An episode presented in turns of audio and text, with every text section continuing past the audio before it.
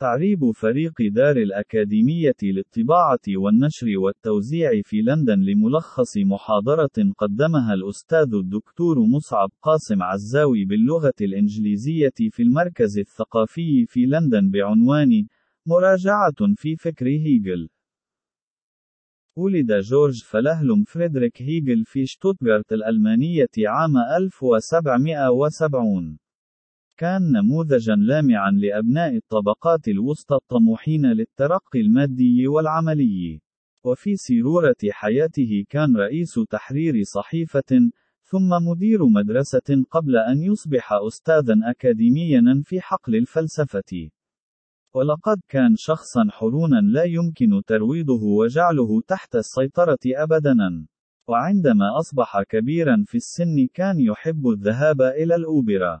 وكان مولعا جدا بالشمبانيا الفرنسية. ومن الناحية السلوكية، فلقد كان مغامرا في حياته الداخلية غير المعلنة، ولكن في حياته الاجتماعية الظاهرية كان وقورا وتقليديا، وكان فخورا بذلك التكوين المختلط لشخصيته. لقد صعد هيجل إلى قمة الشجرة الأكاديمية في عصره ووصل إلى أعلى المناصب فيها حينما عين كرئيس لجامعة برلين في العام 1830 عندما كان عمره 60 عاما.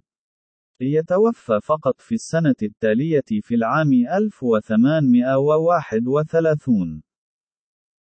لقد كان لهيجل تأثير مهول على الفلسفة والفلاسفة من بعده. وكان يكتب بشكل ثر. ولكنه كان مربكا ومعقدا عندما ينبغي أن يكون واضحا ومباشرا. لقد جعل الأمر يبدو كما لو أن السمة المتلازمة مع قراءة الفكر الفلسفي العميق هي أنه لا يمكن للمرء أن يفهم تماما ما يقرأه كحد أدنى. وهذا قد جعل الفلسفة أوهن بكثير وأقل تأثيرا في العالم مما ينبغي أن تكون. ودفع العالم ثمنا باهظا آخر لمشكلات هيجل في توصيل أفكاره واستعصاء فهمه. لقد جعل الأمر أكثر صعوبة لسماع الأشياء القيمة التي ينبغي أن يقاربها الفلاسفة ويبسطونها جاعلينها في متناول الإنسان الاعتيادي. ولكن هناك عدد من نقاط المحورية في فلسفة هيجل يمكن سرد بعض منها فيما يلي: 1. أجزاء مهمة من أنفسنا يمكن العثور عليها في التاريخ. كان هيجل نادرة بين الفلاسفة في أخذ التاريخ على محمل الجد. في عصره، كانت الطريقة الأوروبية المعتادة للنظر إلى الماضي هي اعتباره بدائيًا في شعور مشهر بالفخر لمدى التقدم الذي تم إحرازه في العصر الحديث.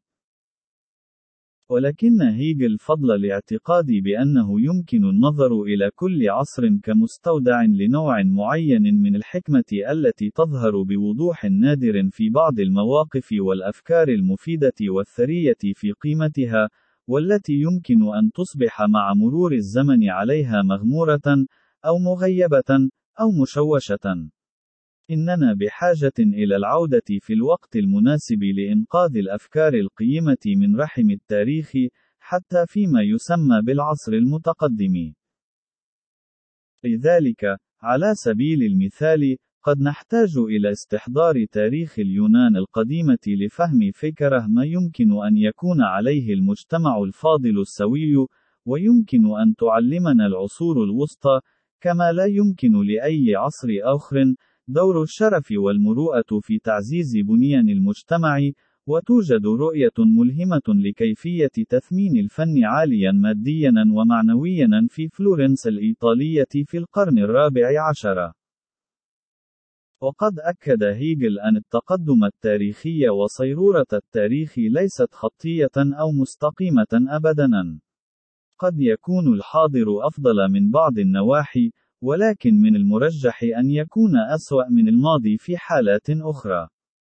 هناك حكمة تاريخية في كل مرحلة زمنية، الأمر الذي يقودنا إلى تلمس مهمة المؤرخ الاستثنائية في محوريتها المتمثلة في رصد تلك الحكمات التاريخية المضمرة لموازنة النقاط العمياء في وعينا للحاضر القائم أما أعيننا.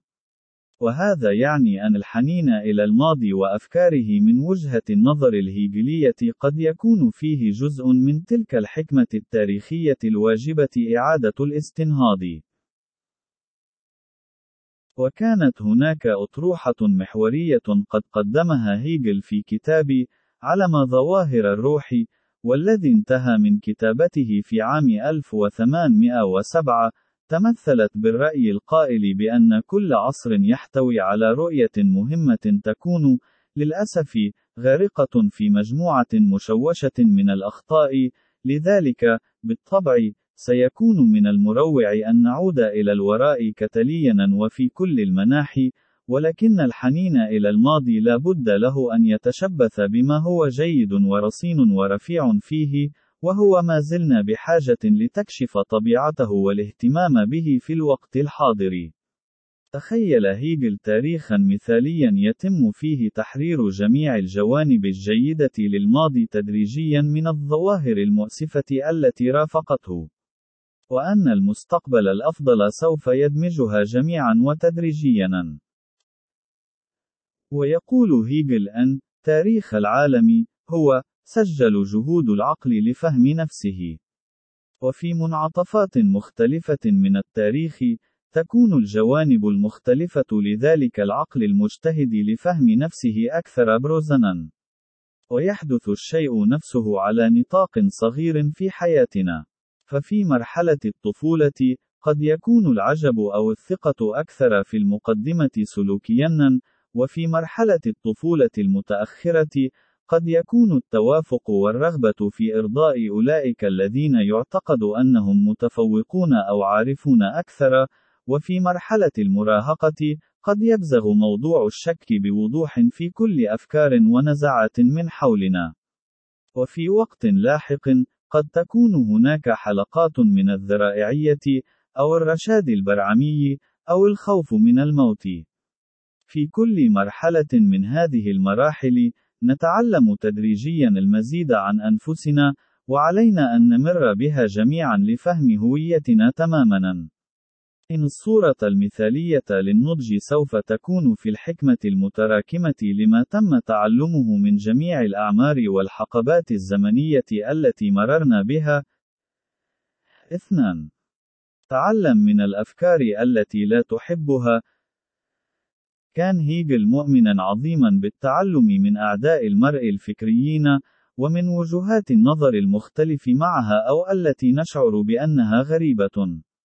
وذلك لأنه أكد أن أجزاء الحقيقة من المحتمل أن تكون منتشرة حتى في الأماكن غير الجذابة أو الغريبة، وأنه ينبغي لنا أن نستخلص الحقيقة بالتساؤل دائما، كما كثفه بقوله: ما هي الشظية من العقل والفكر التي يمكن احتواؤها في ظواهر مخيفة أو أجنبية؟ فالقومية، على سبيل المثال، كان لها العديد من المظاهر الرهيبة، حتى في يوم هيجل. ولكن مقاربة هيجل تمثلت في أن يسأل عن الفكرة الجيدة الكامنة أو الحاجة الهامة التي يمكن أن تختبئ في التاريخ الدموي للقومية، وهي موضوعة على شكل حاجة وضرورة تاريخية في انتظار الاعتراف بها وتفسيرها. لقد اقترح أنها الحاجة إلى وجود ناس يشعرون بالفخر من حيث أتوا، وأن يتماشوا مع شيء يتجاوز ببساطة إنجازاتهم الخاصة، وأن يربطوا هويتهم بما قد يستقيم تسميته الأنا الجمعية. إن هذا مطلب لا مفر منه ومثمر، كما اقترح هيجل، وهو أمر لا يزال ذا قيمة وقدرة تأثيرية ماحقة حتى بعدما استغلت بعض الحركات والسياسيين المريعين هذه الحاجة ودفعتها في اتجاهات كارثية. إن هيجل يعد بطل الأطروحة الثاقبة القائلة بأن الأفكار المهمة حقا قد تكون في أيدي أشخاص دونيين من درك السافلين الأرذال الذين لا يستحقون إلا أعمق الاحتقار وأشده. 3. فوضوية التقدم اعتقد هيجل أن العالم يحرز تقدما، ولكن من خلال التنقل من تقاطب إلى آخر فحسب، حيث إنه يسعى إلى التعويض المفرط عن خطأ سابق.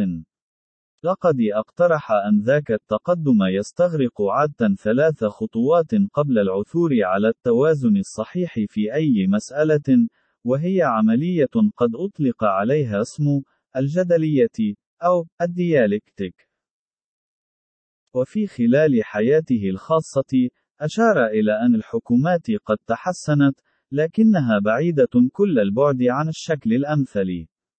النظام الملكية التقليدية الموروث الذي كان معيبا وخانقا وغير عادل، وهو ما قد تم إلغاؤه من قبل الثورة الفرنسية التي أراد آباؤها المؤسسون أن يقوموا بإعطاء صوت صحيح لغالبية الناس.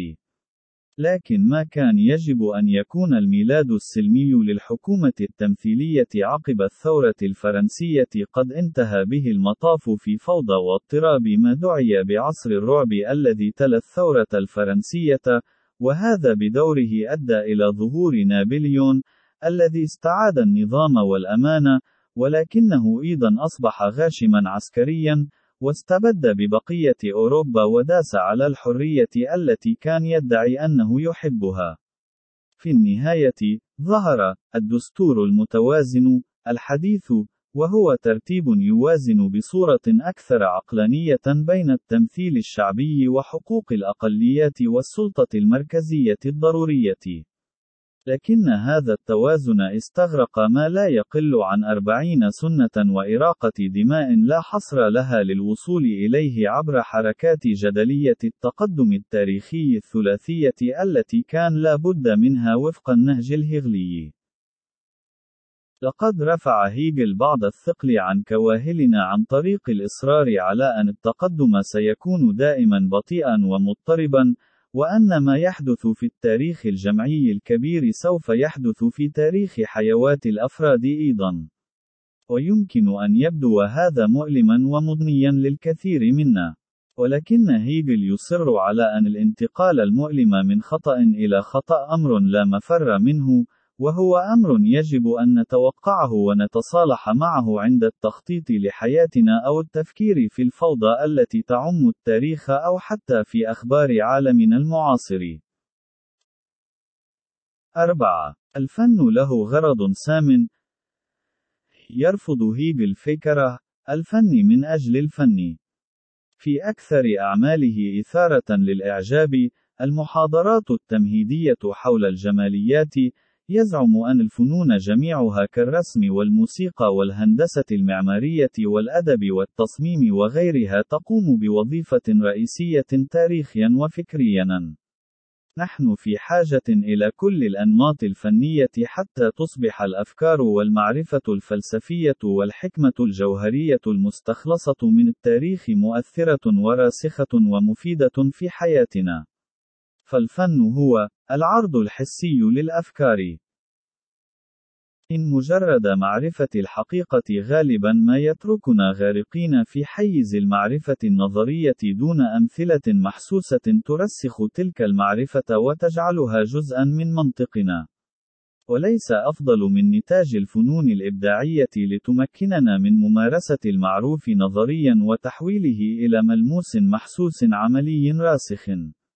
رأى هيجل بأن الهدف من الفنون كلها لا يكمن في طرح أفكار جديدة أو غريبة بشكل مذهل، بل تكثيف الأفكار الجيدة والمهمة والمفيدة التي غالبا ما نعرفها بالفعل وجعلها تلتصق في أذهاننا بشكل ملموس قابل للاستعادة وإعادة الإنتاج. 5. إننا بحاجة إلى مؤسسات جديدة، كانت رؤية هيجل إيجابية للغاية نحو المؤسسات ونحو السلطة التي يمكن أن تمارسها من موقعها السلطوي المهيمن. برأي هيجل قد تكون رؤية الفرد عميقة فلسفيًا، ولكنها ستكون غير فعالة في إحداث التقدم التاريخي وعابرة ومنسية ما لم تتجسد في مؤسسة ذات قدرة سلطوية. فأفكار يسوع عن المعاناة والرحمة كانت بحاجة إلى الكنيسة الكاثوليكية لنقلها إلى العالم، على الرغم من الأخطاء المرعبة التي قامت بها تلك الكنيسة التي قد يكون أقلها محاكم التفتيش الوحشية وحروبها الدموية ضد من لم يعتقدوا بعقيدتها من المسيحيين وغيرهم. النقطة المهمة بحسب هيجل هي أنه لكي تكون الأفكار نشطة وفعالة في العالم، فهناك حاجة إلى الكثير من المجتهدين المنتظمين في مؤسسات متشابكة في أهدافها لتحقيق سلطتها التأثيرية. كانت هذه نقطة أثارها هيجل مرارا وتكرارا بطرق مختلفة. من أجل أن تكون الفكرة مؤثرة في المجتمع، فإنها تحتاج إلى موظفين، ومبان، ومدربين، وقانونيين، وجبات، وشرطة، وعسكر، وأهم من ذلك لمؤسسات ذات سلطة ينتظم في عدادها كل أولئك للسماح بتحقيق مشروعات كبيرة لا يمكن لفرد واحد أو حتى مجموعة أفراد القيام بها مهما عظمت طاقاتهم واجتهاداتهم وطول أعمارهم. الوظيفة الأساسية للمؤسسة برأي هيجل هي جعل الحقائق الرئيسية قوية وراسخة في المجتمع. لذا، بحسب هيجل عندما يتم تلمس احتياجات جديدة لمجتمع ما، ينبغي لتلك الحاجات، من الناحية المثالية، أن تؤدي إلى تشكيل مؤسسات جديدة تسعى لتحقيقها. الخلاصة وضع هيجل إصبعه على سمة مهمة للحياة الحديثة تتمثل في أننا نتوق إلى التقدم والتحسين، ومع ذلك فنحن نواجه باستمرار صراعًا مضنيًا وطويلًا في سعينا لإدراك ذلك مع كثير من النكسات. كانت رؤيته هي أن التقدم يتطلب تصادم الأفكار المتباينة وبالتالي سيكون أي تقدم مؤلمًا وبطيئًا. ولكن بمجرد أن نعرف ذلك، لن نضطر إلى مضاعفة مشكلاتنا عن طريق النظر إليها على أنها غير طبيعية وشاذة، أو النظر إلى إخفاقاتنا المرحلية بأنها سمة ضعف وعوار فينا. يمنحنا هيجل رؤية أكثر دقة عن موقع الإرادة البشرية في نسق التاريخ، ويمنحنا مفاتيح أكثر ثراء لإدارة لأنفسنا وصعوباتنا، وتكشف موقعنا في صيرورة التاريخ وحركيته.